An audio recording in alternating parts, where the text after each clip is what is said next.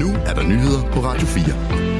Ved Finlands præsidentvalg er Alexander Stubb fra det konservative samlingspartiet på vej mod en klar sejr med støtte fra 52,7 procent af de stemmer, som var afgivet på forhånd.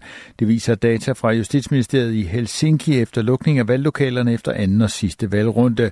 Den 55-årige Stubb er tidligere statsminister, tidligere finansminister og tidligere udenrigsminister. Han taler både finsk og svensk.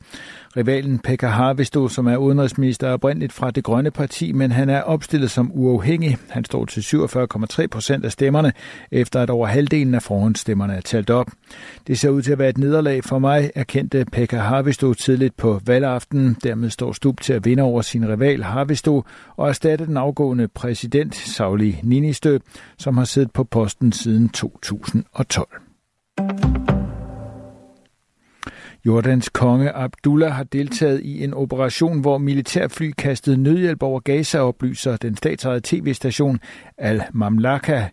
En videooptagelse af kongen viste ham i militæruniform ombord på et militærfly i en af de seneste missioner, som det jordanske luftvåben har udført med at nedkaste medicinske forsyninger til et jordansk drevet felthospital i det krigshavede område. Der blev ikke oplyst en dato for, hvornår kongen deltog. Det jordanske luftvåben har en del gange under krigen leveret medicinsk udstyr ved nedkastninger. Kom Abdallah ventes i morgen at møde USA's præsident Joe Biden i det Hvide Hus for at diskutere Gaza-krigen og konflikten mellem Israel og palæstinenserne. Efter lange nætter og dage er aftaleparterne i overenskomstforhandlingerne på det statslige område kommet til enighed om en økonomisk ramme på 8,8 procent over to år. Det siger finansminister Nikolaj Vammen på et pressemøde. Vammen kalder det en stor og ansvarlig stigning. De 8,8 procent er netop det, staten spillede ud med til at begynde med, og er lavere end hvad det lød fra de faglige organisationer, der har haft et krav om lønstigninger på mindst 10 procent. Der taler om en stigning i reallønnen på ca. 3,5 procent, pointerer Vammen af flere omgange. Rigtig mange er blevet ramt af, at vi har haft en høj inflation. Det gode ved denne nyhed er, at man ikke kommer til at miste købekraften på grund af sin løn, siger han om reallønstigningen. Allerede fra 1. april i år vil de ansatte i staten få en lønstigning på 5,9 procent, hvorefter der så blot er afsat en lønstigning på 1,7 procent året efter, skriver den akademiske fagforening DM.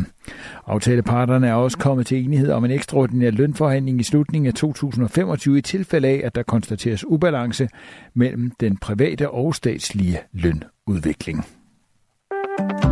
Shoppingcenteret Fisketorvet i København blev her til eftermiddag evakueret, da en forbikørende så en person med en økse. Øksen viste sig dog at være et legetøjsvåben, som personen bar i forbindelse med et fastelavnskostyme. Det oplyser vagtchefen hos Københavns politi. Det er en dårlig idé at ændre ordningen om organdonation, så alle over 18 år som udgangspunkt er organdonorer, sådan lyder det fra overlæger på Rigshospitalet og Universitetshospitalerne i Aarhus og Odense. Blandt andet overlæge på Odense Universitetshospital og donationsansvarlig Christina Rosenlund. Jeg kan ikke se, at det kommer til at gøre nogen øh, positiv forskel, øh, og i værste fald kan vi rent faktisk risikere at miste øh, organer på det.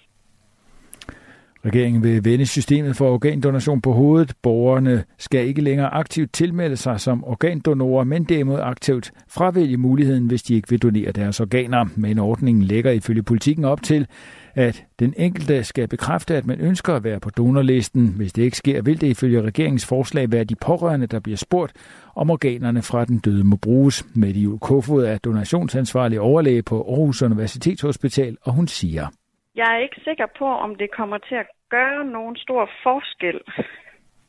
Min bekymring kan være, om det, at man er tilmeldt, gør, at man ikke får taget det skridt til at bekræfte, at man gerne vil være donor.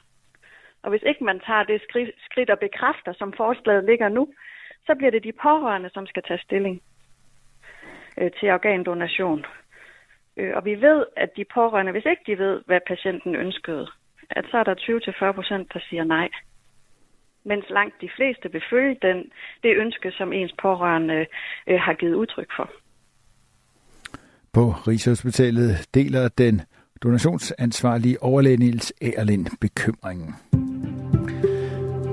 I aften efterhånden regn eller slud i hele landet. Temperaturen ned mellem frysepunktet og 4 graders varme. Det var nyhederne på Radio 4. De blev læst og redigeret af Thomas Sand. Du kan finde flere nyheder på vores hjemmeside radio4.dk eller i vores app.